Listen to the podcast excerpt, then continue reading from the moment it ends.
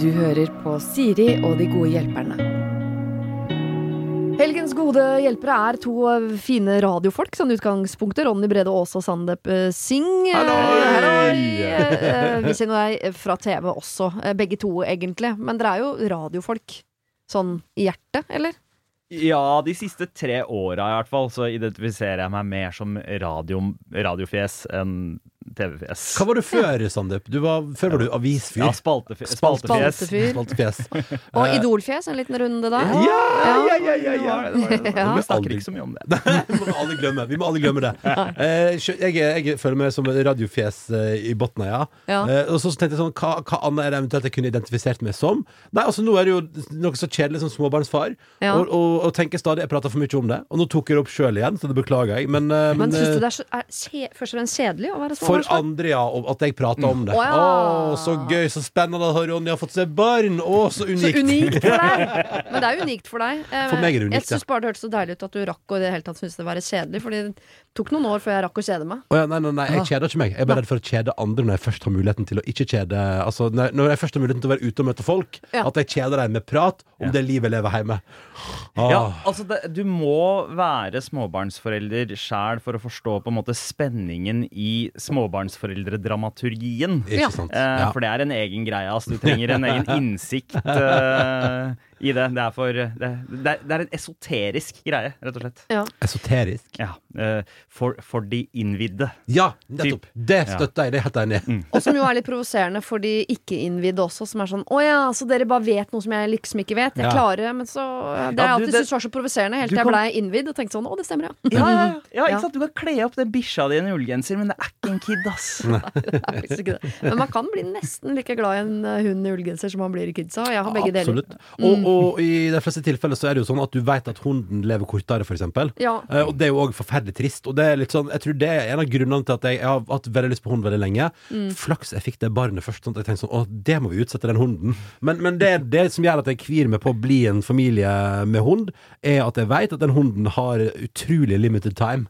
Altså jeg vet at det er sånn Velkommen hit, nå innvier vi deg hunden i vårt liv, eh, og om en 12-13 år så skal du ut av det. Begraves i hagen. Eh, Ja. og det er det, off, Nei, det, jeg kjenner sånn For det jeg har blitt, jeg har blitt veldig Det kommer dere sikkert til å merke når vi skal, eh, skal gjennom en del problemstillinger etterpå, at eh, jeg har blitt altså så uh, shaky i nervene etter å ha fått barn. Det er så- det skumleste man gjør. Altså, ja, ja det, jeg, blir, jeg er helt sånn der Alt får meg til å grine nå, da. Alt, liksom. Tanke på sånn Å, herregud, lurer på hvordan hun har det i barnehagen. Det- altså, det er helt sånn Jeg helt, helt ødelagt. Helt ødelagt. Lite søvn kalles det. Og da skal du få litt hjelp av meg allerede, Ronny, som hjalp meg gjennom de greiene der. Var at Ja. De som jobber i barnehage, de har jo oppdratt hundretusenvis av unger. Ja. Jeg har ikke oppdratt noen. Det er mye bedre at de er der.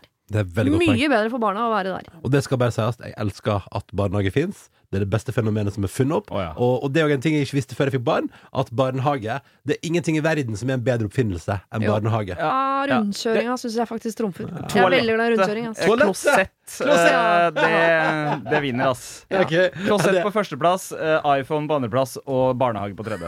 Ja, rundkjøring på første, barnehage på andre, uh, og mute-knappen på tredje.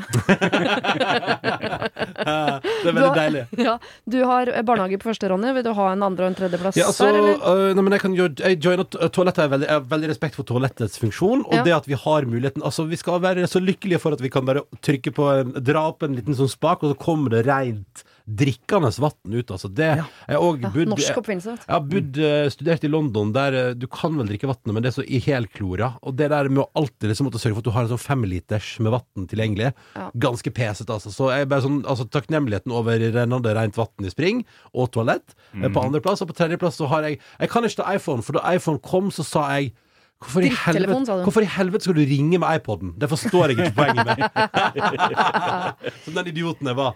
Så det, det, det, det, var, det var helt, helt det, det, det kan ikke fungere til noen ting, tenkte jeg. Jeg visste ikke at eh, London var så tett knyttet opp mot hyttetur. At det var sånn, Du må ha en femliters dunk med rent vann stående. Hvis ikke så blir du veldig veldig avhengig av uh, Sandeep sin førsteplass, vannklosett i etterkant. Ikke sant? Nei, det er helt Ah, tullete. Fjerdeplass, vegg-til-vegg-teppe på dass. Uh, også en britisk ah, greie. det hadde vi. Det, hadde vi. det var kjempe uh, Veldig ekkelt. Hadde sånn, Altså Vi hadde sopp som vokste ut av Ja. veggen på badet. Ikke sånn sopp som er sånn i hus, men sånn skogssopp med Ja, ja. hette på. Ja, Altså kantarell, liksom? Ja, ja, ja, et eller annet. Vi, det, vi, vi, vi, vi, vi, vi, sa mye sånn, herregud, skal vi steike den en dag? Men den vokste liksom, da vokste sånn at hatten var liksom et par centimeter fra deg hvis du satt på do, da. Oh, ja. Eh, så vi, vi lot den bare være. Eh, men det var sånne forhold jeg levde i under i London. Så jeg er også glad for Det, vet jeg, det er jeg også glad for. eh, Byggestandarden i Norge. Eh, dette på tredjeplass. du har en min liten liste. Jeg er så altså- glad jeg ikke bor i England, merker jeg. Jeg har alltid tenkt at hele England lukter litt urin, nettopp pga. Vegg-til-vegg-teppene. Og at det i tillegg da er sopp der. Og jeg vet at de fleste hjem har frityrgryte, altså, som stinker jo. Ja, ja. Det er helt- Forferdelig sted å bo. Det er helt annen tilnærming til hvordan et hus er inni. Men det gjelder jo, altså vi Men der er jo vi altså vi, vi i Norden er jo så glad i husene våre. Og det, er liksom, ja, og det skal liksom være Husene våre skal så innmari fortelle litt om hvem vi er. uh, som mennesker. Det er veldig, sånn, veldig glad i husene våre. Uh, men det, nedover der i Europa så er det litt sånn Så lenge det er tak, og du kan bo der og du får varme og sånn, så er det helt konge. Ja, vi skal snakke litt om interiør eh, senere, oh. faktisk. Bare så dere vet det. Så uh, hold på tanken. Vi skal ta et annet problem først. Her står det. Kjære eh, Siri og dine fine hjelpere. Jeg har vært sammen med verdens fineste fyr i snart fem år. Vi har hus, hund, bra sex, god kommunikasjon og et veldig fint forhold. Det er oss! Det skal være oss for alltid. Og vi har snakket om å gifte oss. For kanskje to år siden hadde vi en kveld der vi satt og planla bryllup, lagde gjesteliste og var så gira på livet sammen. Problemet her er bare at vi ikke er forlovet. Vi har snakket om det, altså, spesielt etter en ferietur på Filippinene, da vi plutselig var helt alene.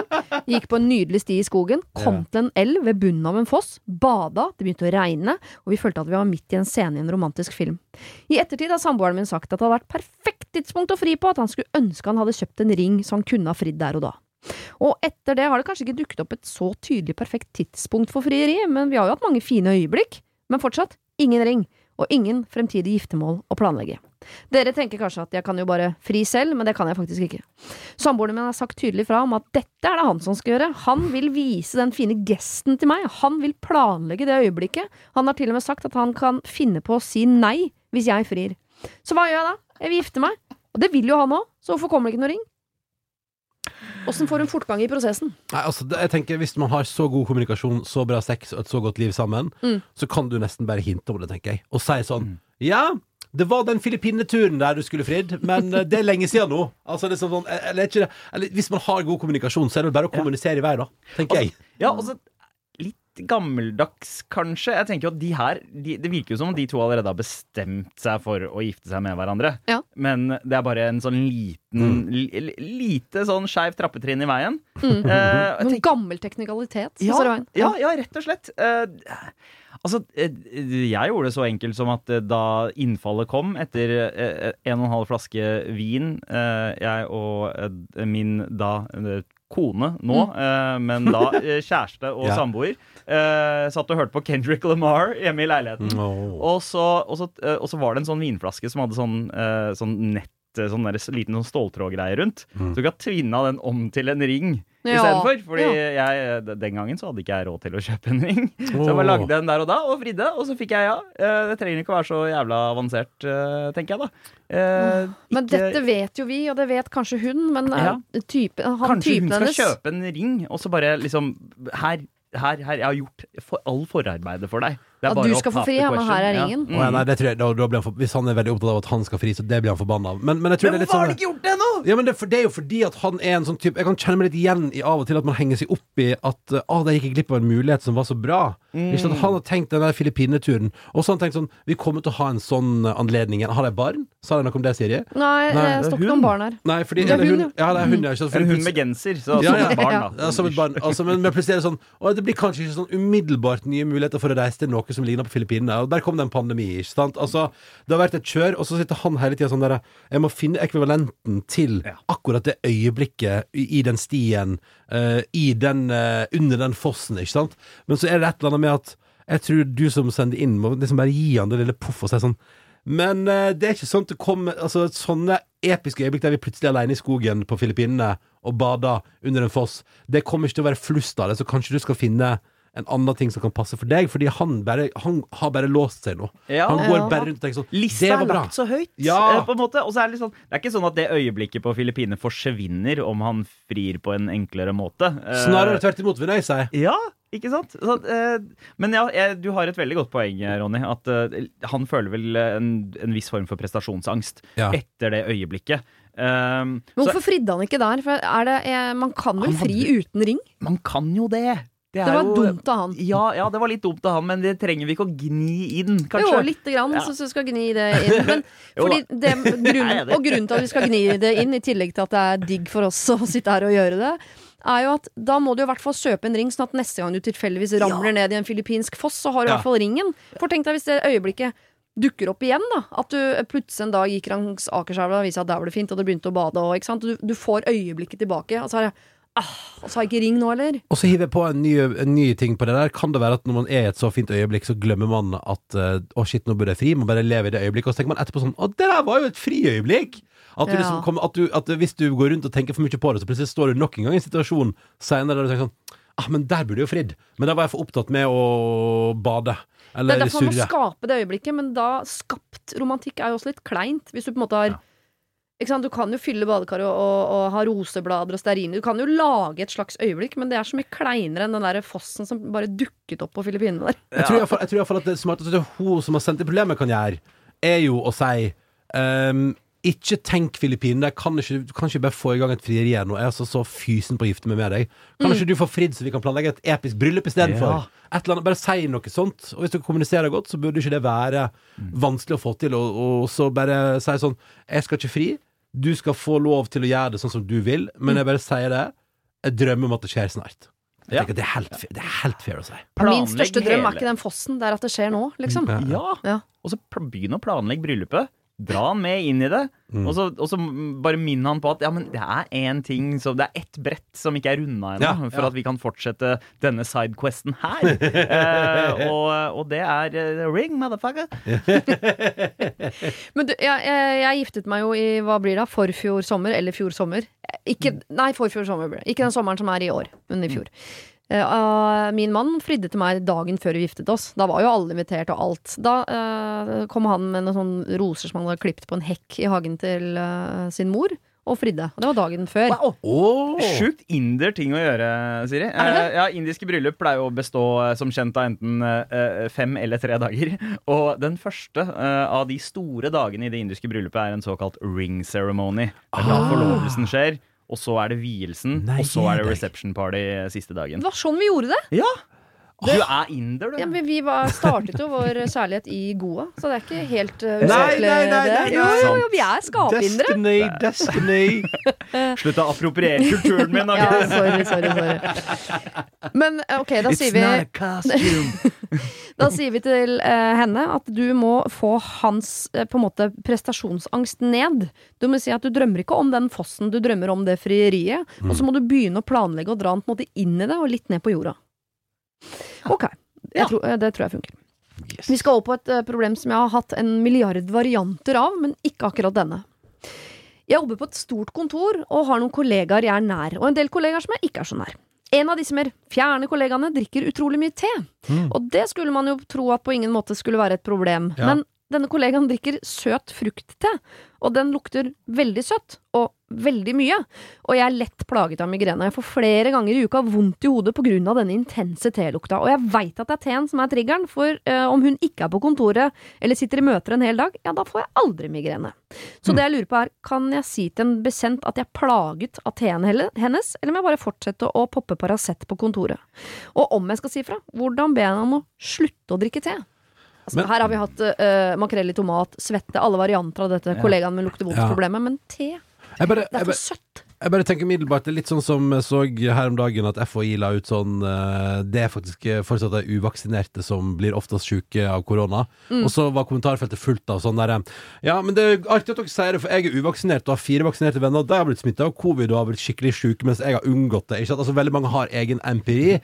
Så her er jo spørsmålet til innsender Kan det være at tanken på at du kommer til å få migrene når du ser at hun sitter og drikker te på kontoret, gjør at du får migrene. Det at du tenker at nå kommer Nei, fader, nå får jeg migrene. Ah, der kom migrene. Skjønner du hva jeg mener? At, Ja, fordi hun gruer seg for å si Ja. fra. At det er Ja. det hun får migrene av, den konfrontasjonen som, som popper opp. Eller bare sånn ja, Når, når hun tekollegaen kommer liksom inn der, og det dufter søt eh, skogsbær ikke sant, i hele lokalet, og så ser du hun gå med plassen sin og skal til å sette seg ned, og så bare nei, nei, nei, nei, nei, nei, nei. Au! Altså, at det er rett og slett, altså, kan det være at det ikke er teen som gir deg migrene, men tanken på at det muligens er teen som gir deg migrene, som gir deg migrene?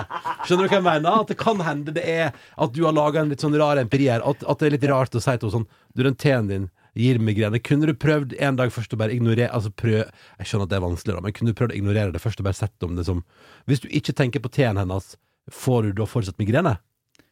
Dette, Dette her er et rart problem. Jeg tenker, om jeg skal ramse opp liksom uh, topp tre ting som eh, har de minst sjenerende luktene i verden, Ja. så vil jeg Ville te definitivt ha vært på den eh, lista. Ja. Te er jo Er du glad i sånne sånn topp tre-lister? Eh, Andre du presenterer så langt i dag? Veldig, veldig glad i lister. Ja, men det er Det er, hele, hele livet mitt dreier seg om lister. Jeg har en sånn patologisk trang til å, eh, til å eh, eh, føre ting opp sånn. Men, eh, men uh, altså, te er på en måte Det er, det er jo bare sånn eh, eh, zen for nesa. Eh, d- Veldig sjelden man kommer over en te som lukter eh, det, det liksom ja. Jeg syns fruktte fort kan lukte for søtt. Altså. Altså, jeg skjønner litt hva du mener, men da skal det være Men å, jeg har en idé! Oi! Halleluja, jeg har en idé. Tamponger i nesa? Vi, nei, nei, vi nærmer oss jul. Hva om tekollegaen får av deg i gave en flott sånn, du vet, sånn termokopp med lokk? Ja! Du, Det var det første jeg tenkte på. Gi henne en termos eh, i gave. Noe som gjør at teen bor inni et hus som ikke har åpen topp. Mhm. Og sånn termokopp, ja! Ja. Sånn, jeg har den jo i veska ved siden av meg her nå. Rart jeg ikke skjønte hva du mente. Men sånn, Altså, at det er liksom at den har innebygd lokk for å holde på varmen, Ja. og så sier du sånn Jeg ser at du elsker te. Ikke si sånn Jeg, ser, jeg noterer meg at du elsker søt. Jeg får veldig vondt i hodet av det. Men si sånn Jeg ser at du elsker te. Jeg håper den lille julegaven fra meg Det blir satt pris på. Så å, kjøper du sånn søt Kanskje en sånn termokopp med bitte liten søt vofs eller en katt eller et eller annet på. Eller et, eh, et eller annet med genser. Ikke sant? Vofs med genser, nesten som et barn. Og så, eh, og så har Callback-duoen dere to, ja, ja, ja, vi jobber. Jeg og Sandeep jobber. Eh, og så gir du det gave og sier sånn Jeg håper denne her får litt smak. Og da kommer kollegaen og tenker sånn Herregud, for et raust og flott menneske du er. Mens du tenker åh, lukta av te forsvinner. Ja. Eh, jeg slenger også inn i eh, potten en sånn tekalender, som jeg vet at eh, man får kjøpt for diverse tebutikker. Som jo da selger te som ikke er den søte frukt-te-typen. Ja, sånn, ja. Det er ikke sånn at når man liker te, så liker man alt te, men det kan jo hende at hun ikke har prøvd f.eks. lakris og mintte, mm. og at det eh, både lukter godt og smaker godt.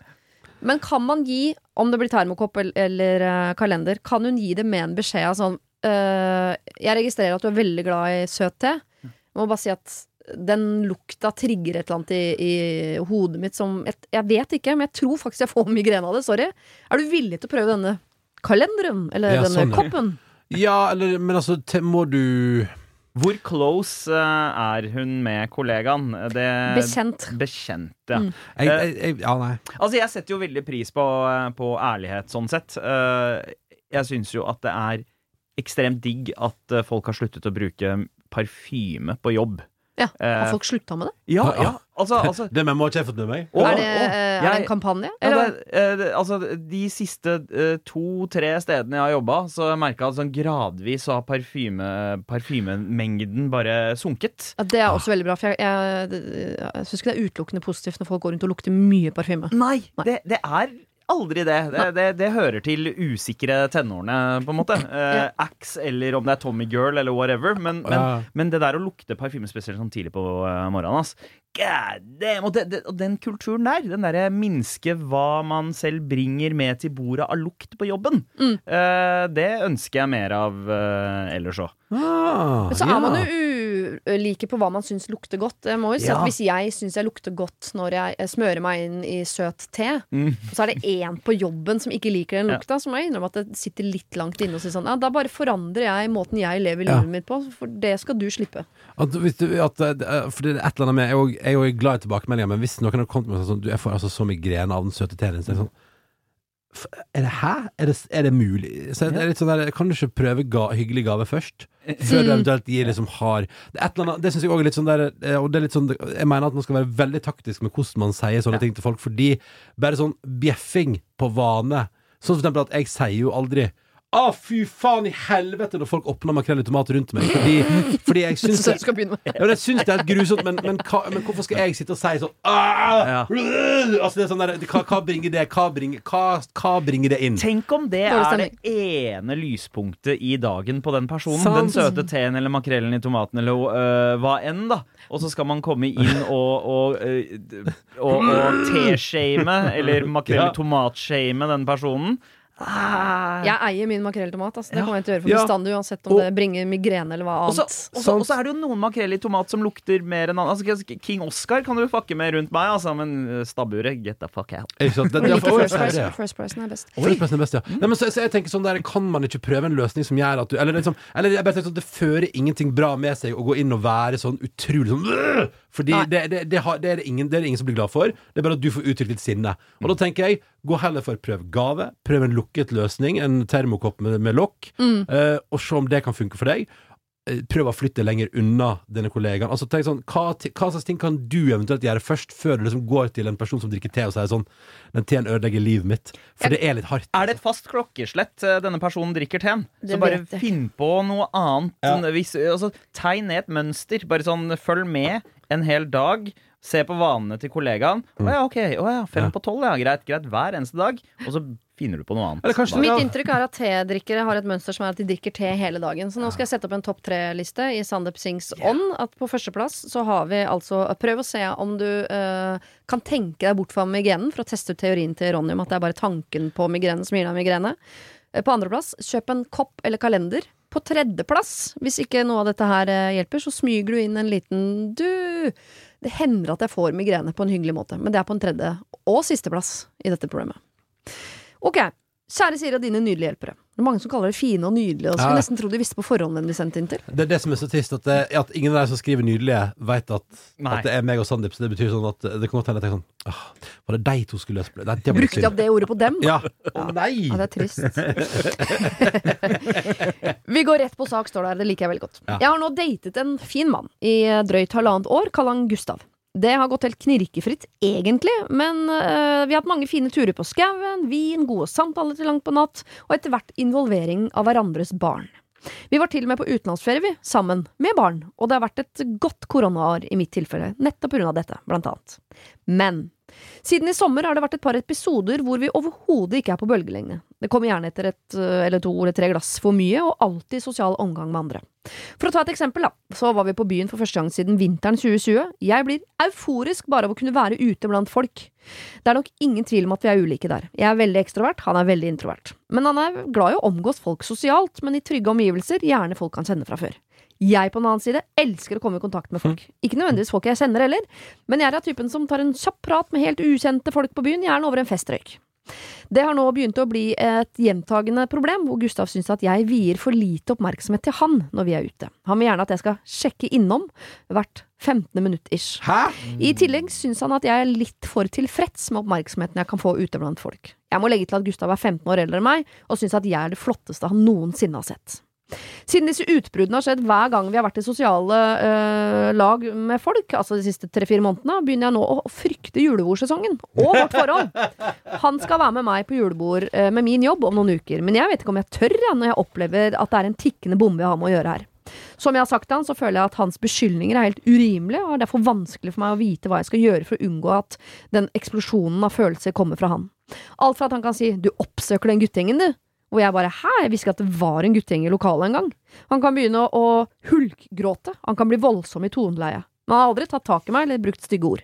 Jeg har uttrykt fortvilelse overfor dette da jeg føler meg misforstått og urettferdig behandla, da jeg faktisk ikke oppfører meg som noe annet enn hans kjæreste på byen. Og jeg har aldri lagt skjul på at jeg liker oppmerksomhet, hvem gjør vel ikke det? Men jeg legger ikke noe i oppmerksomheten jeg får, jeg flørter ikke, jeg gjør, og jeg gjør meg heller ikke tilgjengelig. Gustav syns at min reaksjon er sørlig og kald, da jeg har innsett at det ikke nytter å prate med han når han bikker. Eh, Jeg lytter og svarer 'dette tar vi i morgen', noe som kan gjøre vondt verre. Vi vet at Gustavs grobunn til usikkerhet kan ligge i at hans tidligere kone var utro gjennom to år, for så å gå for han. Så hvordan skal vi komme oss igjen det her, ja, ikke sant? Var det en brikke Ja, som eh, mynten falt med der? Ja, ja. mm. Eh, Jeg må ikke gå på byen, men jeg har samtidig, etter at jeg skilte meg, hatt behov for å ikke la meg styre for mye av andres behov, bortsett fra mine barns, da. Så hvordan skal vi egentlig løse dette? Det der er kjempespennende! Det er kjempespennende! Eh, og det, det, kunne, det, det var som en beskrivelse av mitt og Tuvas forhold fram til den biten med at uh, det skjærer seg. Fordi hun er, altså, så, altså Min kjæreste er altså så glad i å prate med fremmedfolk og kan liksom Og prate med hvem som helst, mens jeg er litt sånn Å, var det deilig å henge med deg jeg kjenner fra før av? Altså, er, der er vi helt ulike. Uh, og umiddelbart, umiddelbart tenker jeg at her Det her er jo mye større, fordi det handler jo bare om at han opplever en usikkerhet i deg som eh, du er nødt til Det, det er du faktisk litt sånn nødt til å ta tak i på et vis. Både fordi at eh, det, fordi dere kan, Hvis dere tar ordentlig tak i det, så kan det føles veldig mye bedre for begge to å være ute i sosiale lag. Og du skal Altså, man skal jo aldri slutte å oppsøke fremmedfolk og skravle i vei med ukjente. Og man skal, eh, man skal få oppmerksomhet, og det er hyggelig, og, og, og du, må, du må kunne nyte ditt liv ute. Men hvordan kan dere gjøre sånn at han da samtidig er sånn Ja, ja, hun er på vift. Fordi når Tuva går og prater med ukjente folk, tenker jeg sånn Så hyggelig. Se, hun koser seg. Nå sitter du der og skravler med en mann på 65 ute på uteservering over en røyk. Så hyggelig. Eh, og, det, og jeg liker det. Så dere må komme dit, sant. Men hvordan gjør man det? Mm. Ja, for begge dere fikk en sånn o-reaksjon når hun sa at han vil at jeg skal sjekke innom hvert 15. minutt. Men Ja. er ikke det en slags løsning her, i hvert fall i en overgangsfase? At hun gjør det? Kan Altså- du ikke bare gjøre det?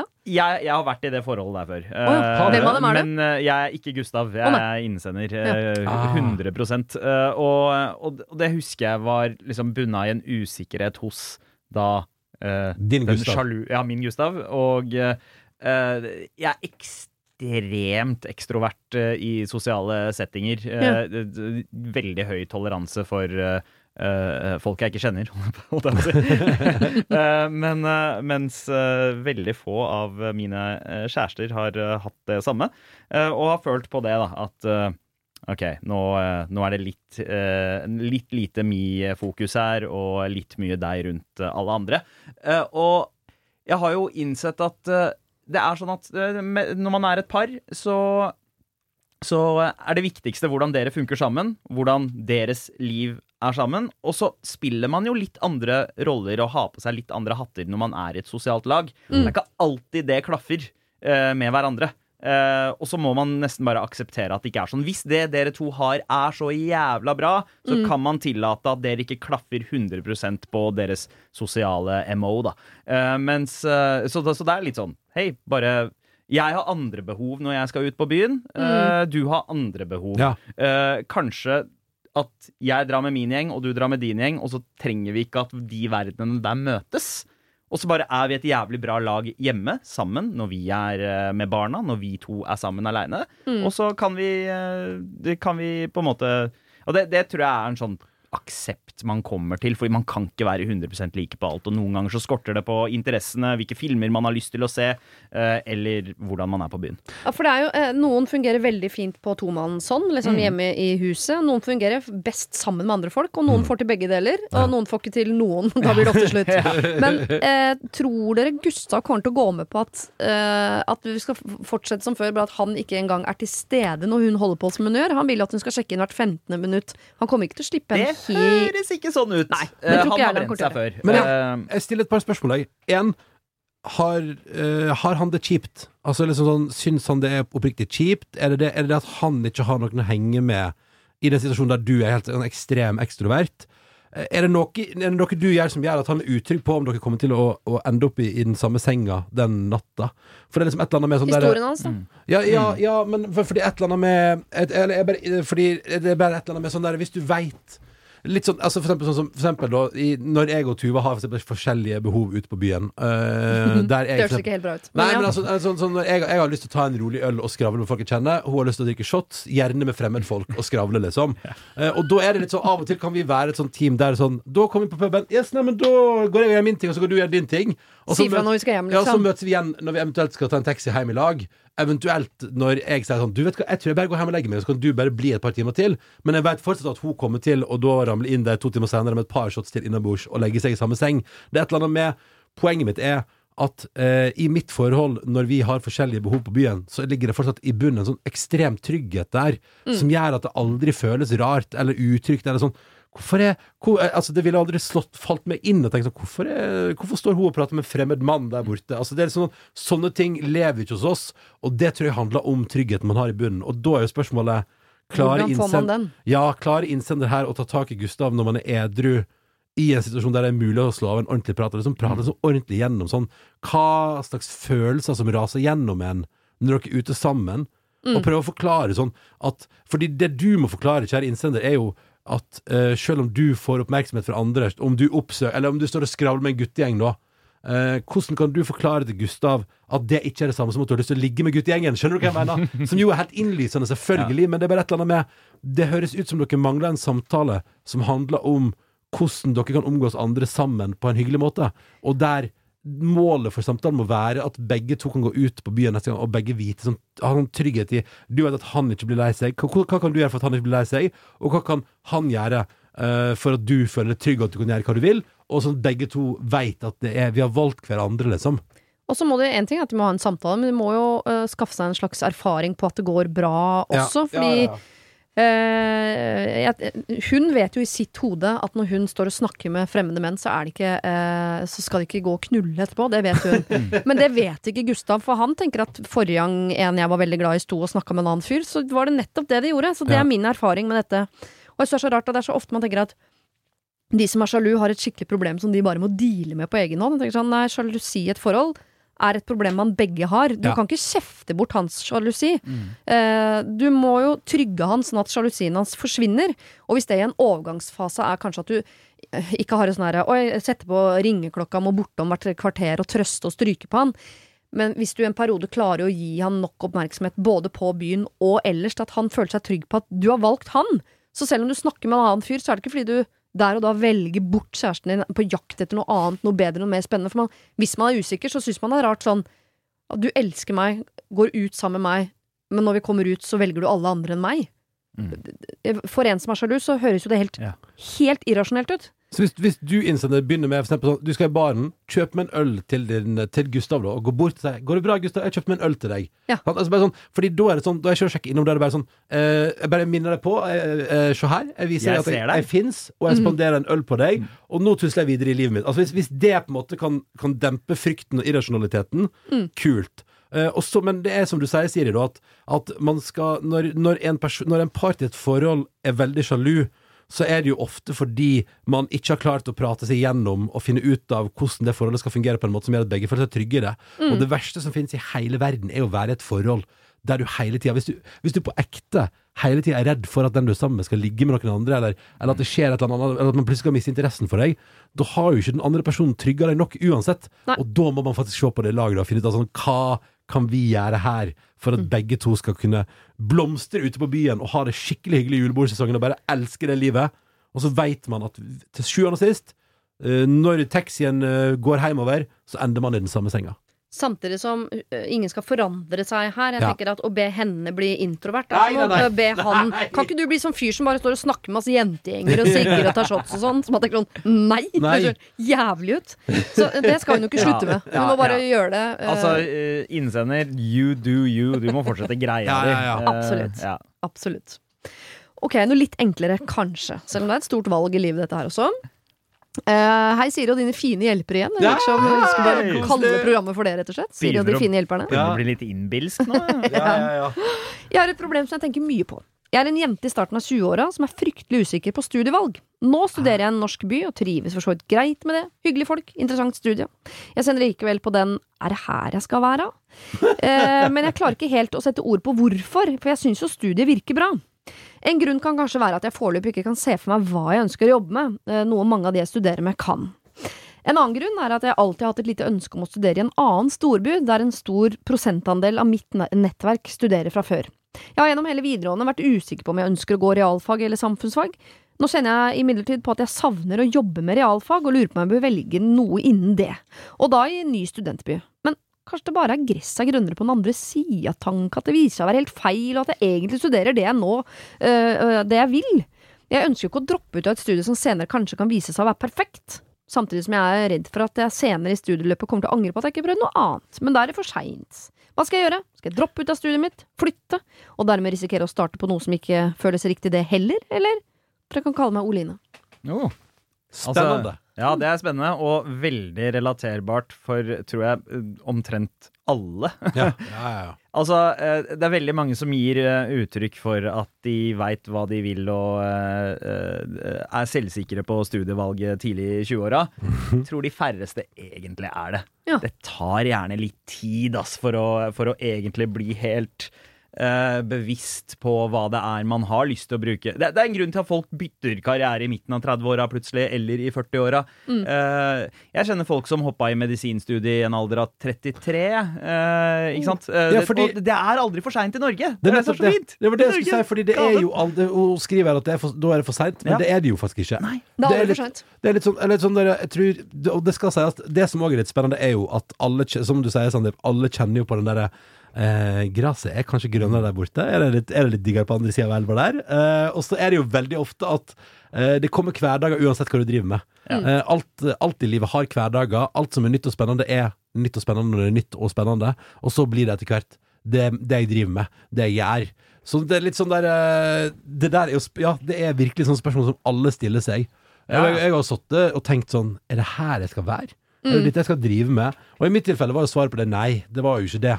Ehm, så, så, så det er litt sånn der um, Men klarer man å finne ut av det der man er? Eller for noen ganger hvis man lurer på om gresset er grønnere på den andre siden, så må man jo gå på den andre siden og sjekke.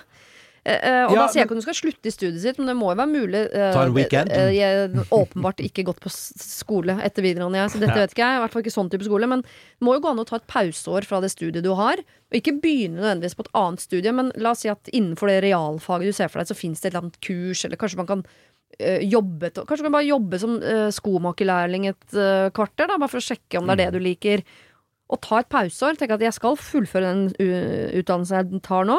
Jeg tar bare et år nå, vil jeg jobbe litt og prøve, ta litt sånn kurs innen diverse sjekker.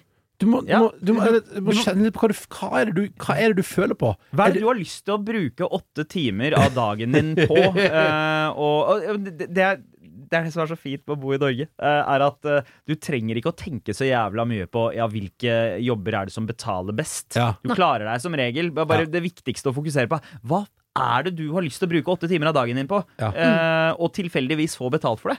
Ja, Og så er vi litt bortskjemte, apropos har vært hintet om at vi er bortskjemte i Norge, det er jo deilig det, Å ja, men vi er jo ja, bortskjemte i forhold til at alle på Dødelig skal drive med noe som er helt sånn euforisk og fantastisk sånn ah, Her jeg hører hjemme. Mm. De aller fleste jobber jo med et eller annet som skaper en inntekt som gjør at når du kommer hjem fra jobb, så kan du drive med de tinga du egentlig har lyst til å drive med. For du kan ikke sånn jeg syns jo det aller beste i hele verden er å pusle puslespill, men jeg skjønner at det bringer jo ikke eh, melk i kjøleskapet, det, da. Med mindre du blir VM-meister i å pusse puslespill. Men- jo, men noen ganger så tenker jeg sånn eh, Noen De aller fleste jobber for å jobbe. Det er fint Ja. hvis det er noe du er interessert i, eller i hvert fall at du har en god dag.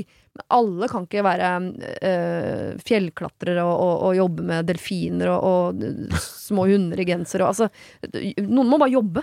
Men, men jeg tror, jeg tror på ekte at, uh, at uh, innsender må liksom gå litt sånn i sånn Hva er det slags følelser du føler på? Er det bare sånn Er det litt sånn livstrøtthet? Eller er du lei deg? Er du i ferd med å gå inn i en depresjon? Altså, hva, hva er det livet ditt eh, liksom, Hva slags følelser er det som bringes fram nå, og hva er det genereres av? Er det, er det det sosiale nettverket? Er det at veldig mange av vennene dine er en annen plass og gjør andre ting? Hvis jeg skal sette meg i skoene på eh, innsenderen, så er det jo gjerne det. Tidlig i 20-åra, du sammenligner deg selv med alle andre Alle andre Ja. du studerer med, og ser på en måte Oh shit, det ser ut som at de veit hva de skal drive med. De har stappet Eh, kursen. de- ja, ikke Ja. sant? Eh, og så sammenligner du deg selv med dem.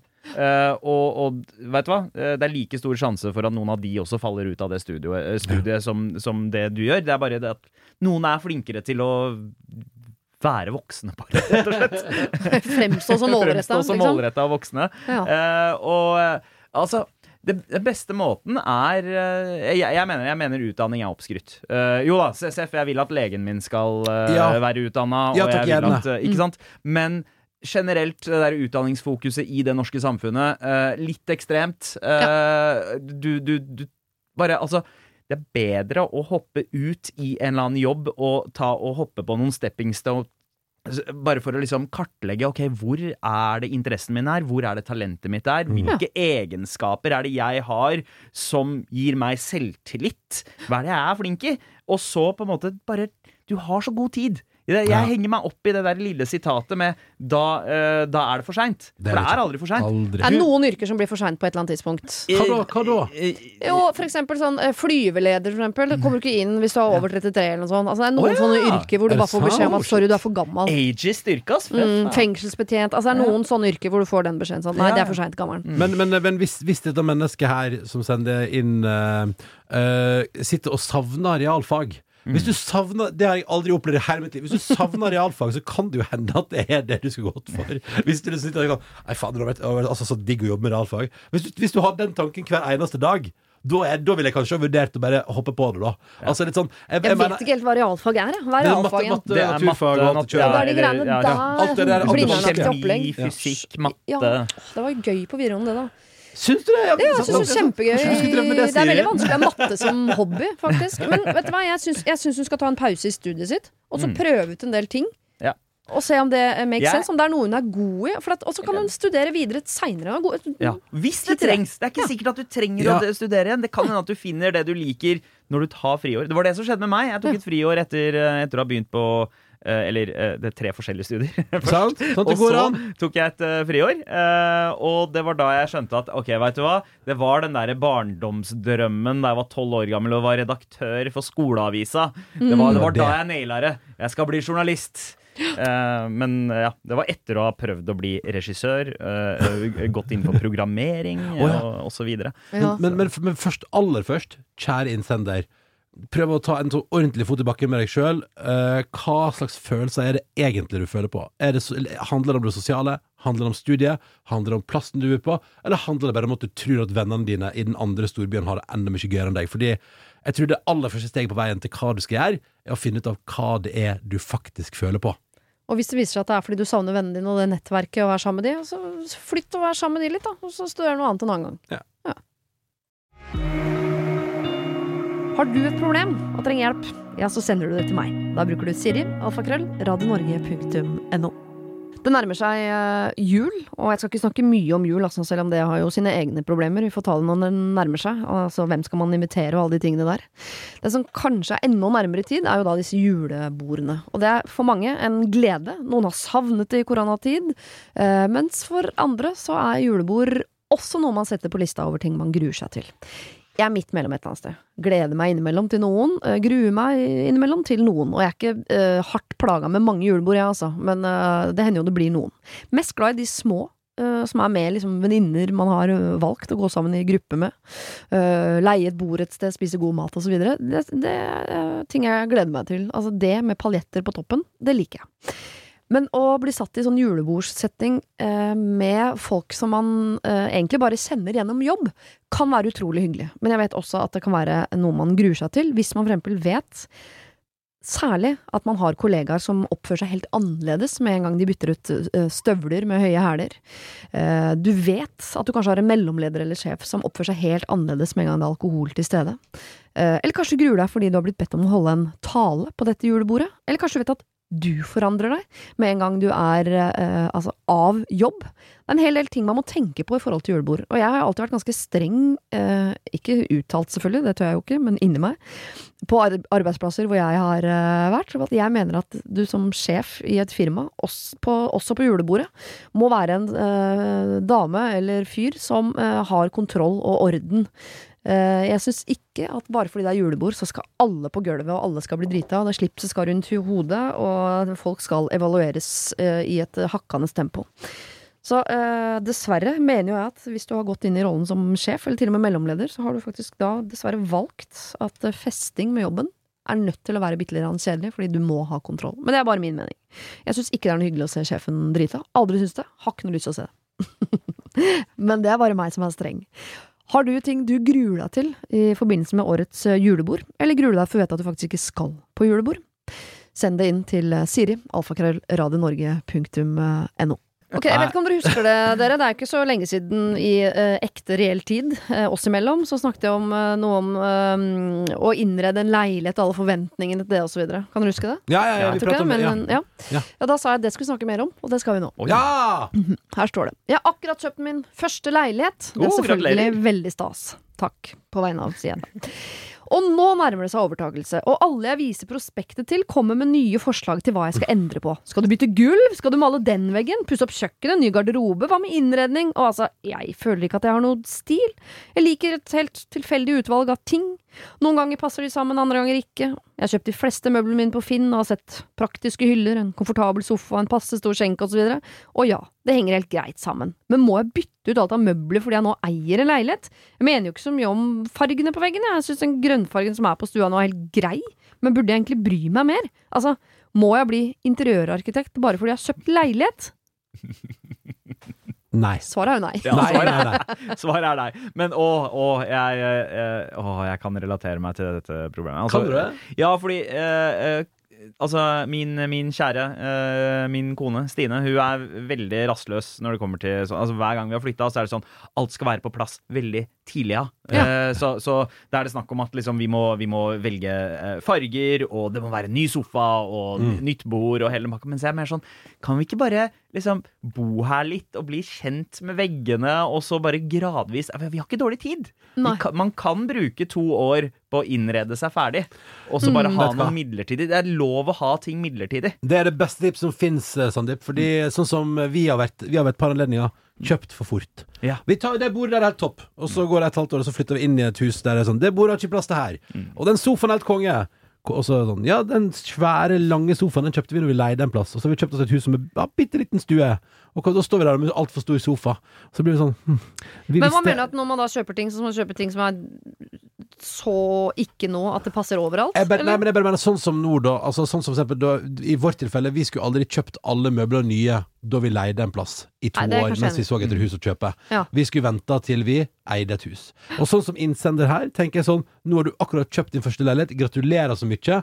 Bu litt i den, se hvilke behov som melder seg hos deg. Sånn som Sandeep sier, altså ta det litt tid. Og hvis du merker over tid at «Åh, den sofaen er irriterende, det stuebordet passer ikke, jeg blir litt lei av den fargen på veggen, så bytter du den ut! Ja. Sant? Fordi det er du som skal bo der, og det her er jo min, alltid min store prinsippsak. Der du bor, det du kaller din heim, det skal være en plass der du har det bra. Så derfor tenker jeg at flytt inn, kjenn på det, og det som gir ubehag hos deg, pff, rett ut med det. Finn på noe nytt.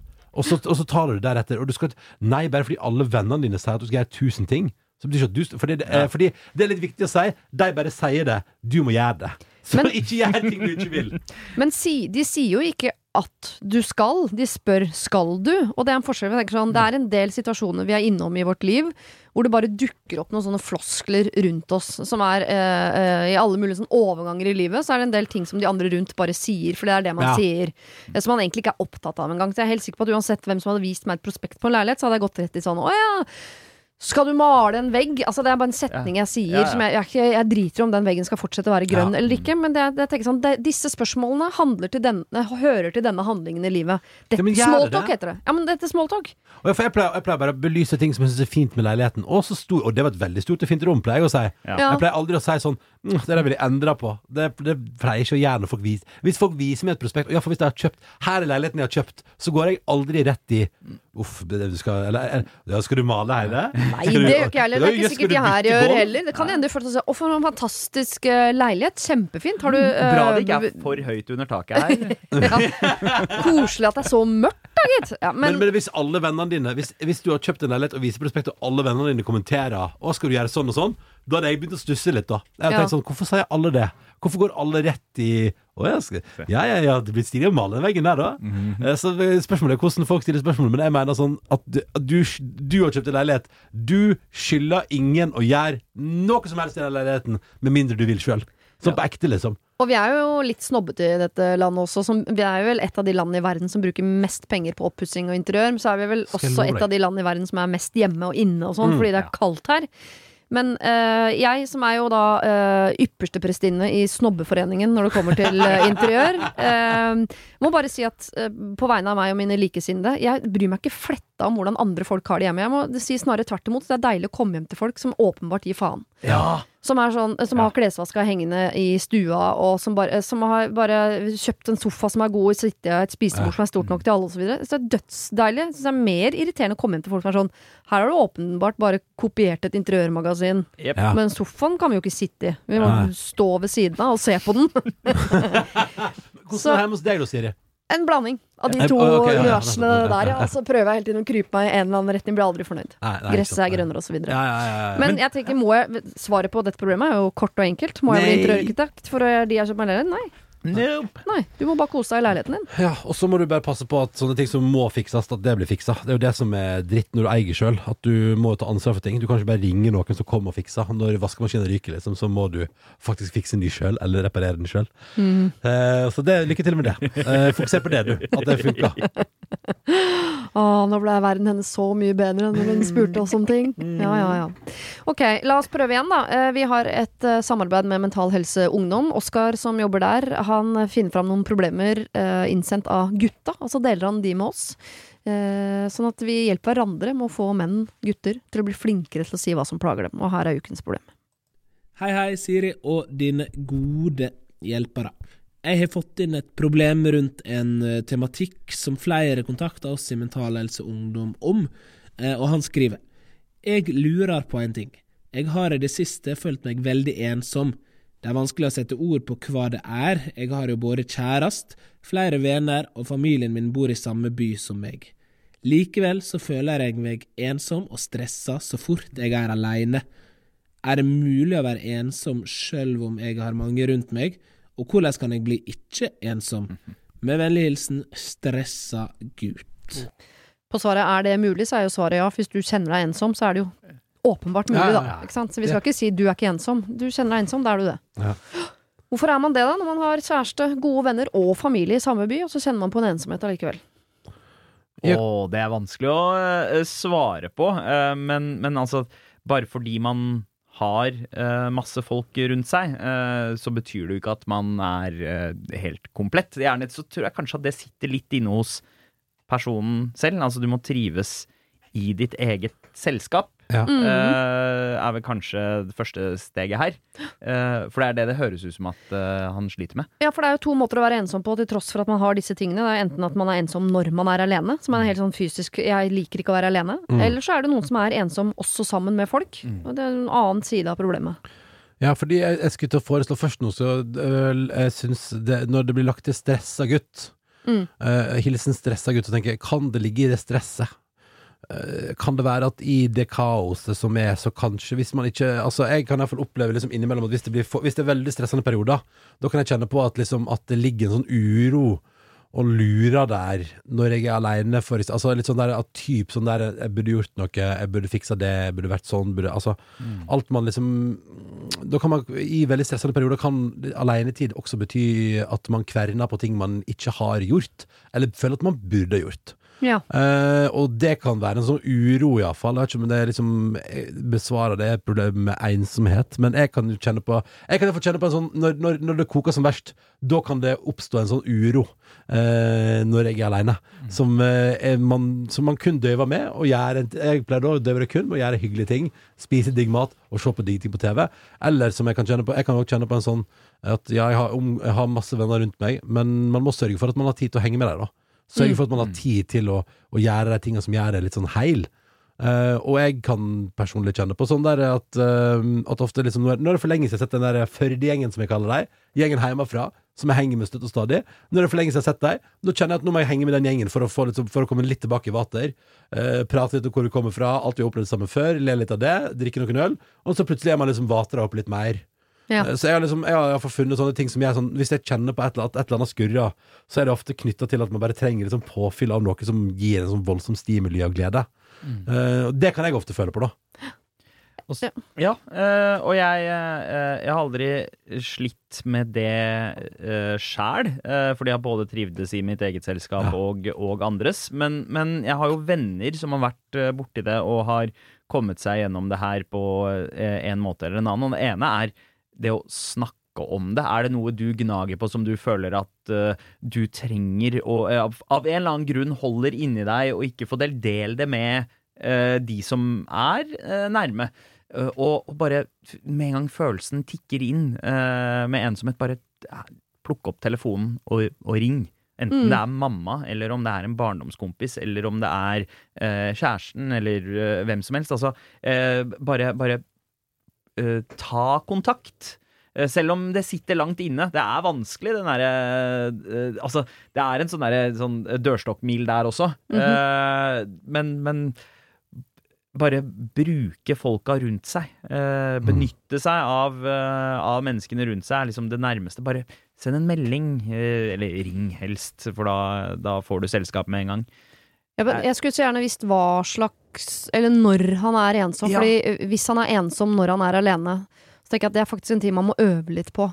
At det er greit å være alene. Og se om det er da den tiden hvor du er alene, hvor du føler deg ensom, så kanskje du i større grad kan fylle den ene tiden. For jeg tror alle mennesker mm, har behov for å være alene.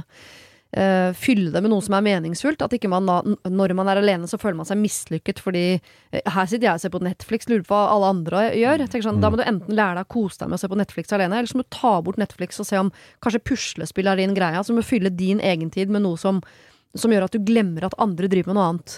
Hvis du er Ja. ensom sammen med folk, så tenker jeg Jeg skal ikke si sånn du har feil kjæreste, feil venner eller feil familie, men det er jo åpenbart et eller annet i deg som gjør at ikke du kanskje er helt deg selv sammen med vennene dine eller kjæresten eller familien din. Et eller annet, for du føler, jeg tror Når man føler seg ensom, så er det fordi man ikke føler seg sett. Det vil si at ja, jeg sitter sammen med dere to nå, men dere vet egentlig ikke hvem jeg er. At man føler at hele, hele vårt vennskap eller vår familiære relasjon eh, bygger på en slags misforståelse, eller vi er glad i Ja. hverandre, men jeg vet ikke helt at det er en ensomhet. At man føler sånn Det er bare jeg i dette rommet som vet hvem jeg er. Ja. Mm. Det er ensomt. Ja.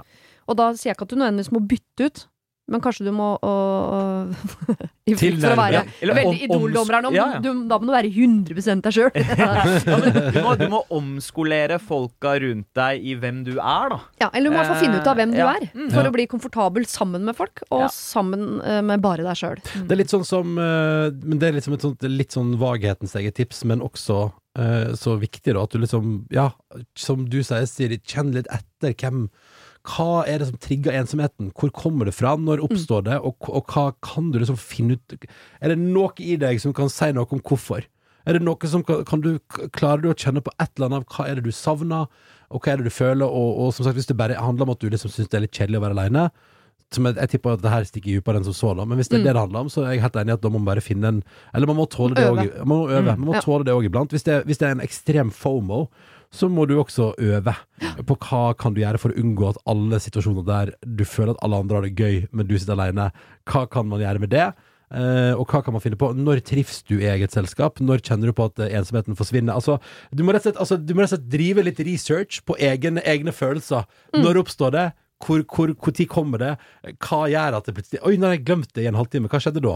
Ja. Uh, etterforsk hvor ensomheten dukker opp, og hva den gjør med deg. Mm. Ja, ja. Jeg tror, Ja. det, men jeg tror det er en bra Ja. plass å starte, iallfall. Fordi hvis man, hvis man klarer å tyne ut et eller annet mer om når den oppstår, og hvorfor, og hva du tror kan være grunnen til at du føler på det, og gjør noen refleksjoner rundt det, så er det så mye lettere å ta tak i det på et eller annet vis. For da er det sånn Burde du prate med en fagperson om det? Burde du prate med vennene dine om det? Burde du ta en liten prat med deg sjøl om det? Er det liksom, burde du aktivt Og nå vet jeg at jeg skal ha en periode uh, Prate med kjæresten din om det. Hva kan dere gjøre for at uh, du brått ikke kjenner på den følelsen? Um, er, det liksom, er, det sånn, er det liksom svaret sånn Hvis du bare kan melde meg og si at det er litt kjedelig på den festen du er på, kjæreste, eh, så blir jeg rolig. Altså, altså, sånn, det, det er så mye lettere å finne verktøya hvis du klarer på et eller annet vis å finne ut av hvor følelsen oppstår og kan komme av. Mm. Det er dette- det er jo det er vanskelig å slå inn en spiker uansett hvor bra hammer du har, hvis ikke Ja. du øh, kan se, på en Ja. måte. Du må Ja. se hvordan spikeren står. Det er dette som gjør at jeg er så sjukt takknemlig for at jeg vokste opp med rappmusikk. Eh, fordi det, det handler stort sett om å bare føle seg jævla fet. Så hvis du har en dårlig dag, setter du på noe Cardi B eller Rick Ross eller Kendrick Lamar, og så bare rapper du til speilet, og så føler du deg dritfet. Mm. Rap, rap, rap, de er bare lifestyle coaches som lærer deg å liksom elske deg sjæl. Pass på litt med for mye Kendrick, for plutselig så har du fridd til en eller annen. Men nå greier du å surre en ring ut av. Det kan skje. Ok, dere. Vi skal til et problem som heter Mannen og barnet. Oh. Eh, Her står det kjære Siri og gjengen. Det er av dere to. Ah, gjengen! gjengen. Det er deilig at den kom litt seint. Det var så rart å begynne med den. Jeg er sammen med verdens snilleste, fineste, mest omtenksomme mann. Vi har vært sammen i noen år nå, og når jeg gikk inn i forholdet med han, så var det noen kompromisser fra min side, som jeg inngikk i stillhet. Han har et barn fra før, og det er vel det største kompromisset. Jeg vet jo at dette ikke burde bety noe, og jeg prøvde å legge det hele bak meg. Samtidig så er jeg ung, starten av 20-åra, så det er uvant for eh, meg, dette her.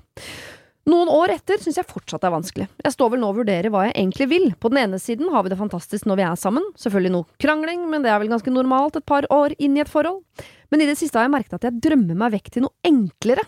Uten kompromisser og med mer passion. Og at jeg nesten daglig vurderer skal jeg være i dette? Det er ikke noe gærent, han er så fin, men hvorfor har jeg da disse tankene? Jeg blir gal! Hjelp! Hilsen anonym. Altså, hun drømmer seg til et enklere forhold uten kompromisser og med mer passion. Ja. Fins det et Åh, forhold uten 20-åra. kompromisser? Um, nei. Lykke til, da! Ja. Lykke til! Det gjør jo ikke det. Uh, altså det, det hører med uh, enhver relasjon med et annet menneske. Mm. Uh, altså du, du må inngå noen kompromisser, men jeg forstår veldig godt denne eh, frustrasjonen og denne drømmen om, om noe annet. Altså, Ja. hun, hun skriver at hun er tidlig i 20-åra, Mm. eh, og eh, altså jeg tenker tilbake, personlig erfaring, både meg og alle mine venner som eh, på en måte trodde vi hadde slått oss ned før vi var 25, så er det den der lille krisa som treffer. Oi, shit, er det dette man egentlig vil? Det Er dette er en større verden der ute. Eh, det er følelser som hører med den eh, perioden der av eh, livet. Og Ja. spesielt når du kommer inn i et forhold. Det er et barn der eh, som du ikke har valgt eh, det, helt sjæl. Eh, og eh, Seff, du du er ikke klar for det ansvaret annen- annenhver uke. Eh, jeg synes det, er en, det virker som en stor person som i hvert fall har gitt det en sjanse en liten periode. Så har du funnet ut kanskje dette er ikke er helt meg ennå. Det fins jo en større verden der ute, men det Ja. fins jo ikke en uh, lettere verden der ute. Den er jo stort sett bare vanskeligere. Eller sånn. Ja, alle ting skal vel bygge på litt. Altså, jeg drømmer jo om å kunne være på ferie i Mexico med Tuva. Ja, Uh, ja, ja. Og ha problemfrie dager og drikke øl klokka tolv hver ettermiddag. og være i fjasete humør og bade. livet? Ja. Og guacca og god kok, liksom. Uh, og det er digg, men det er jo en grunn til at det er så digg, og det er fordi det heter ferie og oppstår en sjelden gang når du trenger det som mest. Uh, og det er et eller annet med, tror jeg, at eh, at ja, man drømmer jo alltid om et enklere liv. Der er sånn, altså Hver gang du, du møter på en utfordring, sånn som i det i livet jeg lever nå, så er det sånn åh, der skulle vi hatt barnevakt. Ja, men akkurat nå så får vi ikke det. Eh, og det har vært digg hvis det var enklere. Men det er et eller annet med at man eh, eh, Alle liv skal by på utfordringer, og, og spørsmålet er jo Men problemet, eller problemet er jo hvis du hver dag tenker 'jeg skulle ønske jeg hadde et annet liv', da er du på feil plass, altså. Ja, hvis du Ja, men hvis du drømmer deg vekk til et enkelt forhold uten kompromisser og med mer passion, det er utroskap etter det. Altså, det da har du et forhold på siden. Det er uten kompromisser og med masse passion. ja. Så jeg tenker at, eh, Men hvis det er sånn at du hver dag liksom tenker åh, jeg orker ikke den mannen og det barnet, Mm. Ja. så syns jeg du skylder både den mannen og det barnet noe annet. Fordi Kanskje spesielt det barnet. Ja.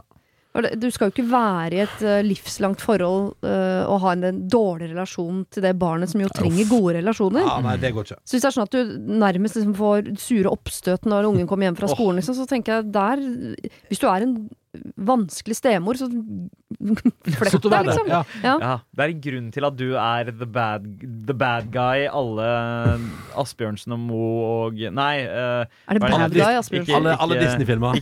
Ja, ja Uh, Hva er det, hva er det tyskerne Askepott, heter, da? De som, eh, de som hadde de eventyrene.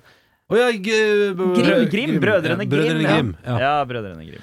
Men jeg, tenker, jeg klarer ikke å, helt å relatere Jeg skjønner det selvfølgelig, men jeg klarer ikke liksom å leve meg inn i følelsen. Jeg må flytte det over på sånn på hus. Ok. Men pragmatikeren er her. For, Fordi Noen ganger når jeg syns huset mitt er rotete, og det er, uh, alt er møkkete og jeg vet ikke hva jeg vil, så har jeg uh, lyst til å tenne på hele huset og begynne fra scratch. Eh, fordi det virker så greit. Å ha et helt nytt hus hvor alt bare er ja. rent og glatt, og alle skuffene er uten brødsmuler, ikke sant. Bla, ja, Ja, men så vet jeg at jeg kommer til å fylle de skuffene òg med både fire forskjellige typer gafler og en del brødsmuler fra, fra benken. Så det er jo bare et tidsspørsmål.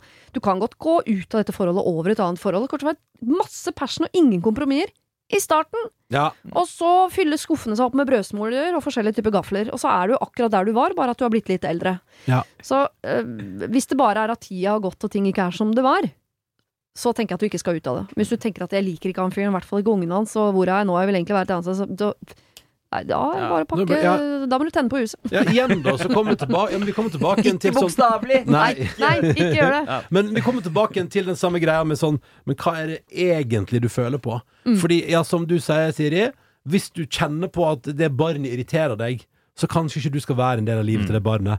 Hvis du kjenner at han mannen irriterer deg Han er kjempefin, men han irriterer deg, liksom. Ja, nei, men da hvis du, Altså, hvis du, hvis du Masse får- fine folk der ute. ja, Masse hvis, du, fine folk. hvis du fortsatt er der mest fordi du syns han er så fin fyr, og du unner ikke han at det blir slutt, da, har du, da er det feil ende du begynner i. Ja. Men, men hvis du tror at alle andre forhold er problemfrie uten kompromisser, hvis du tror at alle andre ting i livet er så forferdelig enkelt, så er det også på en måte feil, da. Så Mm. Og neste sånn- fyr har kanskje ikke en unge, men har sikkert s- spillegjeld eller et alkoholproblem eller er Utrolig utro i fylla. Altså et eller annet Ja, er det. Ja, ja, ja. Så det er liksom bare sånn finne, du, Igjen må du liksom finne ut av hva er det du egentlig føler på. Mm. Og så er jeg helt enig Hvis du, hvis du har problematisk forhold til den ungen, og egentlig ikke vil ha den ungen i livet ditt, ja, da er det bare å si sayonara og Mm. finne seg noe annet der ute, fordi den ungen fortjener ei stemor som er Ja. til stede, Ja. og som liker det livet, og som trives i det, og som ikke starter alle setninger med Skulle ønske han ikke hadde den ungen. ja. Ja, ikke sant? Nei, du må være Du må si 'jeg er bonusmamma' med glede i øynene. Eh, så hvis du tenker «Åh, 'jeg har lyst på han typen, men uten den ungen', Ja, den pakka fins ikke, dessverre. Så Nei. da må du ø, gå og lete etter noe helt annet. Hvis du, hvis du stiller sånn Jeg vil at du skal velge mellom den ungen og meg. nei, da er det feil plass i livet! Feil Ja. plass i livet! Ja. Svigermor, hvis du hører meg. Det gjør du ikke, for du er jo Ja. verken norsk eller Men slutt å fantasere om et forhold uten kompromisser, i Ja. hvert fall. Ja. Jeg syns en del svigermødre kan brenne litt, osv. Men vi går videre. Hei sann! videre, Ja. videre, videre. Ja, hun er i Frankrike, hun hører ikke. Kan ikke norsk. Hun kjempefint, Ronny. Hun blir ikke lei seg for dette. Hun vet at hun er ond Jeg stemor. jeg trives godt med svigermor. Syns hun er hyggelig. Ja, Sånn. ja. Jeg har to svigermødre. Jeg sier jeg svigermor! Nei, jeg elsker svigermor! Jeg mente stemor. Å ja! Herregud, svigermor er jo mammaen til mannen min. Hun er jo fantastisk! Nei, stakkar, hun er ikke fransk engang. Hun er jo kjempenorsk! Fy søren, er det mulig? Å ja, det var Stemor! stemor. Den onde, ste, onde Ja, franske stemor. stemor. Ja, ja, ja. Oi, oi, oi, bra Fortsatt. Spiser ikke epler hos hun, for å si det sånn. Nei, gjør ikke det. Ok, vi skal ta et siste problem her. Jeg er en fyr i 40-åra som sammen med en kjæreste siden ungdomsskolen har to barn i skolealder. Og så står det fem pluss sju, og jeg vet ikke om det er femte og sjuende eller fem og syv år. Tipper fem og sju år. Ok, Ja. Ja. Eh, Vi er et par som liker god mat, drikker vin, være med venner. Relatable. ja, bra. Vi er ikke spesielt aktive. Eller altså Relatable! Vi spiller padel. Eh, jeg spiller Ikke fotball, relatable. hun spiller håndball. Så vi er for så vidt aktive, men vi er ikke et par som har vært på mange fjelltopper, tilbakelagt mange mil på ski eller eier en stor hengekøyepark. Men vi eh, ser jo på Instagram at det har blitt en slags suksessfaktor for familier. Komme seg ut i skog og mark sammen. Ja. Eh, vi har sett mer Lollo og Bernie enn vi har sett Varder de siste årene. Vet dere hva Åh, Lollo og Bernie Ja er? da, det disse- veit vi. Lollo og Bernie, ass. For noen bangere de har. Eh, Men det er de som tar vare på ungene dine på sydenferie. Det er de kjempeabnormalt store bamsene som Ja. Ving har lagd. En sjiraff og en uh, Bjørn. Bjørn? Bamse. Ja, bamsebjørn. Ja, Men er det sånn at eh, Bare spør dere som har er bursdag erfaring. hver dag klokka to. Hver Så- Er det sant? Deilig. Men, men, men jeg lurer på sånn Er det sånn at man da bare man kommer, man kommer bare på hotellet på morgenen der og så bare sier man 'her er mitt barn', Mm. da stikker jeg og legger meg i sola. Det er, som, det er en barnehage, bare at de som jobber i barnehagen, er en kjempestor bjørn og en kjempestor sjiraff som Men har bursdag hver dag! Men kan de ta vare på barn da? Absolutt. Eh, ja da, ja da. Ja. Det, det kan de. Både på ja, Det er et eller annet hotell eh, ute, utafor Sarpsborg og eh, Sarpsborg? Fins det Lollo og Bernie i Norge? Ja! eh, Etter, Hæ? altså, eh, under Rona så har Lolo og Bernie hatt sånn turné rundt om i Norge. Vi har, Oh, vi har vært på sånn tre Lollo Lolo og Bernie-hoteller, vi. eh, I løpet av Jeg vil, jeg vil også se mer Lolo og Bernie enn Varda i mitt liv. Ja. Oi, oi, oi. Nå håper jeg nesten at korona tar seg opp igjen. Men For det der er hvem, så digg. Hvem lager best musikk? Lolo Bernie eller Brannbamsen Bjørnis? Aldri hørt om brannbamsen Bjørnis. Åh, Han så jeg her om dagen. ass, han er Han er trønder! Ja. Han er Så trønder! trønder. Men for noen bangere der òg. Jeg har ikke blitt enig med meg sjæl, hvem som er Vi har i hvert fall etablert at dere to er to karer som kan kjenne dere igjen i denne familien. Ja. Ja, ja, ja, La meg lese problemet, da. Ja, ja, ja, ja, ja. De siste åra har jeg tatt meg i å nærmest bli irritert på barna mine. Og innimellom på kjæresten min også, for at ikke de er mer friskuser. Oi. Eh, At ikke de søker skogen på lik linje eh, som padden. Jeg vil at barna mine skal vokse opp med et godt forhold til naturen. Men hvordan får jeg til det? Jeg blir jo paralysert bare jeg går inn på XXL. Hilsen Mons, men ikke Monsen. Jeg Ja. liker han fyren her. Ganske godt. Mons. Ja, det er veldig, men det er veldig gøy, Mons, Fordi dette her er jo også sånne ting som jeg har reflektert masse over i det siste, med at eh, så lenge jeg er den jeg er, så vil jo mitt barn speile meg. Altså, Mons, det er veldig gøy at du er sånn Ja, men i helvete, unger, hvorfor kan ikke dere bare gå ut i skogen? Ah, kanskje fordi jeg aldri gjør det sjøl. Kan det være at jeg aldri har vist dere skogen, aldri har tatt dere med dit? Selvfølgelig. Mons Skylder på barna! Ja, ja, ja. Det er litt som jeg skulle stått, sagt, så- jeg skulle satt til datteren min sånn her Men hvorfor prater du ikke bedre? Eh, hvorfor, hvorfor har ikke du lært deg å lese ennå? Kan det være fordi jeg ikke har vist deg hvordan man leser? Altså, skjønner- altså et eller annet Mons, du og din kjæreste må jo vise Hvis du vil at men, Og så er det òg veldig gøy at man liksom har sånn ah, Jeg hater naturen. Hvorfor kan ikke ungene mine elske naturen? sånn, det, er veldig, det er veldig sånn Jeg hater realfag. Jeg håper dattera mi blir skikkelig god i realfag. Skjønner, altså, det, det, er et, det er noe med å bygge forventning til at dine barn skal gjøre ting som du avskyr. All den tid jeg har vokst opp i ditt hus, har lært av dine vaner, har spist den samme middagen som deg, opplever de samme ting, ser de samme TV Altså jeg, jeg, jeg, Hvor, Hvorfor er de jævla drittungene så frekke? Ja. Kan det være også... fordi du har satt rundt middagsbordet og vært frekk? Ja. Altså, det er litt sånn Jeg, har bare, jeg er bare så innmari innforstått med at eh, mitt barn kommer til å, å bli som meg. Eh, og så må jeg mot, prøve å unngå at barnet mitt tar alle de dårlige egenskapene, men ta med de gode. Forhåpentligvis. Jeg, håper, jeg håper hun blir raus Men det er jo det, da. For jeg, jeg, jeg er helt enig i alt dere sier om at uh, Mons må jo vise uh, vei, på en måte, for Mm. barna sine. Men det virker jo som han er villig til å gjøre det. Selv om han blir paralysert på ekstra. Han lurer på hvordan kan jeg få barna mine til å bli mer glad i skogen. Åpenbart er jo da eh, oppskriften at han, han må bli glad i skogen, vise det i skogen og særligheten til skogen. Men så lurer jeg på, hvis du er en fyr som ikke liker skogen, Ja. hvorfor har du så lyst på barn som er glad i skogen? Ja, det er det jeg eh, stiller spørsmål ved også. Er det fordi det er det han tror at en normal familie gjør pga. sosiale medier? Ja, det tror jeg. Er det sånn at å ja, ja, men vi må passe inn i den der cookie cutter-familiegreia som resten? Ja, men nei, nei, hva er det den greia? Hvis, hvis, uh, hvis deres greie er Altså, vi har blitt en halloween-familie. Ja. Det har blitt vår greie. Vi du? halloween i fucking august, vi. Fordi det oh, ja. Så, så, så vi lader opp, sånn som veldig mange gjør til jula, da. Ja. Eh, så, så det har blitt vår identitet. Men, men det der, så vi begynner å pynte til halloween. da Vi er ikke en skauefamilie, vi er en halloween-familie. Og sånn er Det bare Det er den eneste identiteten vi trenger å flekse. Men, eh, men eh, finn deres greie. Ikke, ikke bli en skauefamilie fordi alle andre er det. Hva er det? Altså, altså Liker barna dine strand? Liker de å henge på fotballbanen? Er det, hva, liksom finn ut hva deres greie er, Kan bli mer enn proffe at du skal gamere? presse liksom uh, skaukulturen på dem. det er så rart at man ser på Instagram at alle andre ser så lykkelige ut, og så tenker man fy fader, det livet der har jeg bare lyst til å kopiere. Copy-paste det livet der. Og så er det litt sånn alle liv har sine, eh, sine ting som krever av deg, og alle liv ser sukkersøtt ut på sosiale medier, og så er det egentlig masse styr i bakkant der.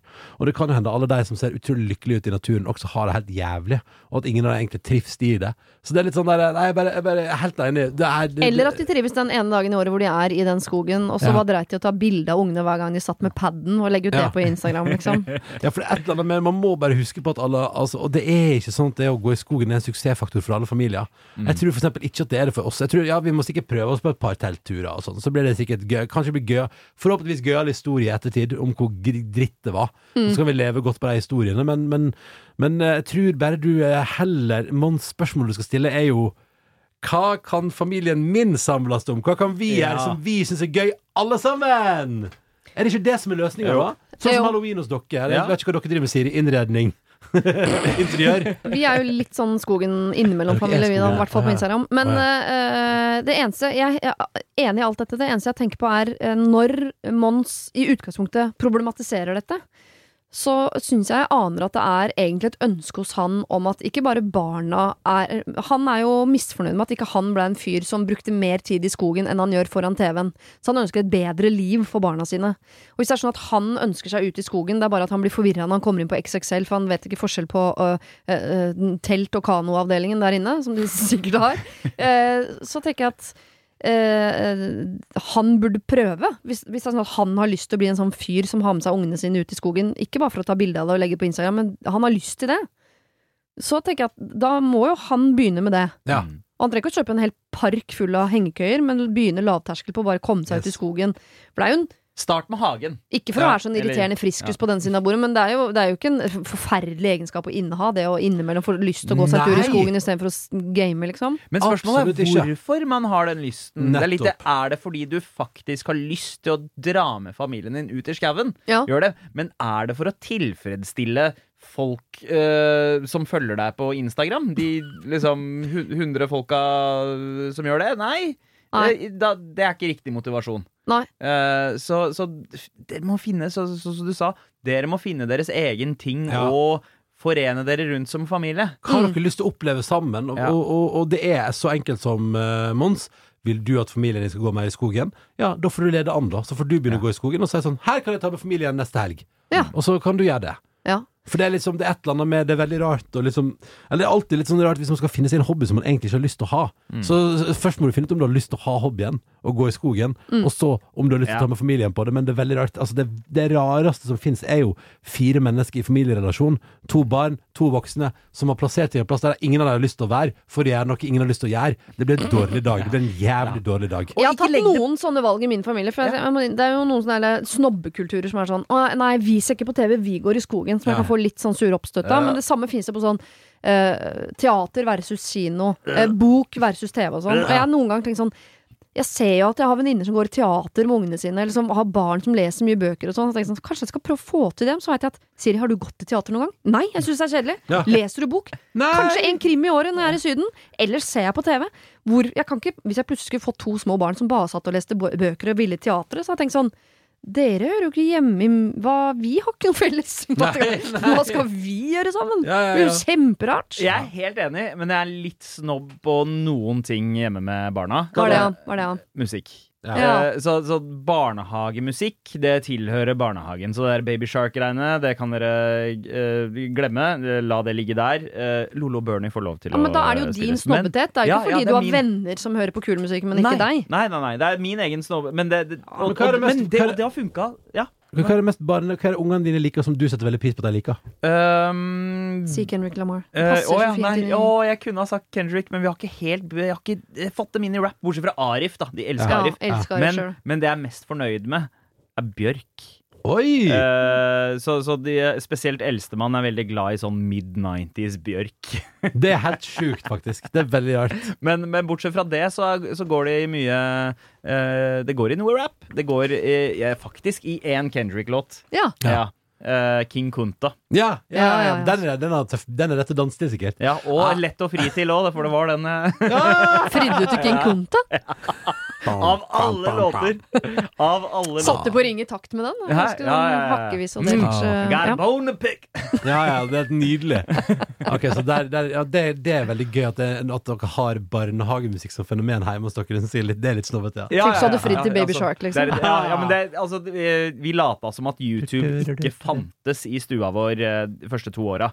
Slik at jeg kunne ha liksom, totalkontroll på hvilken musikk som ble spilt i huset. Fordi eh, det var et par bilturer som bare var helt sånn skjellsettende med, med Baby Shark og diverse sånn eh, Knutsen og Ludvigsen-ting òg, som jeg aldri har hatt noe forhold til. men det er veldig, aldri- eh, Å, jeg elsker skrumpa sjela di inn. Ja. Knutsen og Ludvigsen er vakkert, da. Jeg vil si noen ting avslutningsvis til denne familien. For det første så må du heie på de eh, tingene som barna dine liker. Så Ja. hvis de liker Ja. gaming og ikke telttur, så skal du heie på gaming. Ja.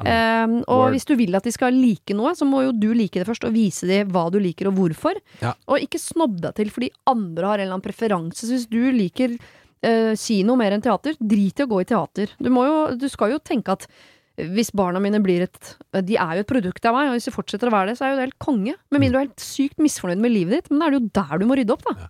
Siri, det der var såkalt spot on. Var det? Rett inn i tier. Bom, Fant bom, Fant jeg spikeren med hammeren og så videre. Yes, Herregud, yes. så deilig. Tusen takk for hjelpen, eh, gutter. Takk. Det var veldig gøy å eh, Ja. faktisk kunne få hjelpe til. Ja, Ja. deilig. Nå går jeg ut i, i, i dagen med reinere sjel, på et vis. Det var det. Husk å sende ditt problem til siri at radionorge.no om du vil ha hjelp. Denne podkasten er produsert av Klynge for Bauer.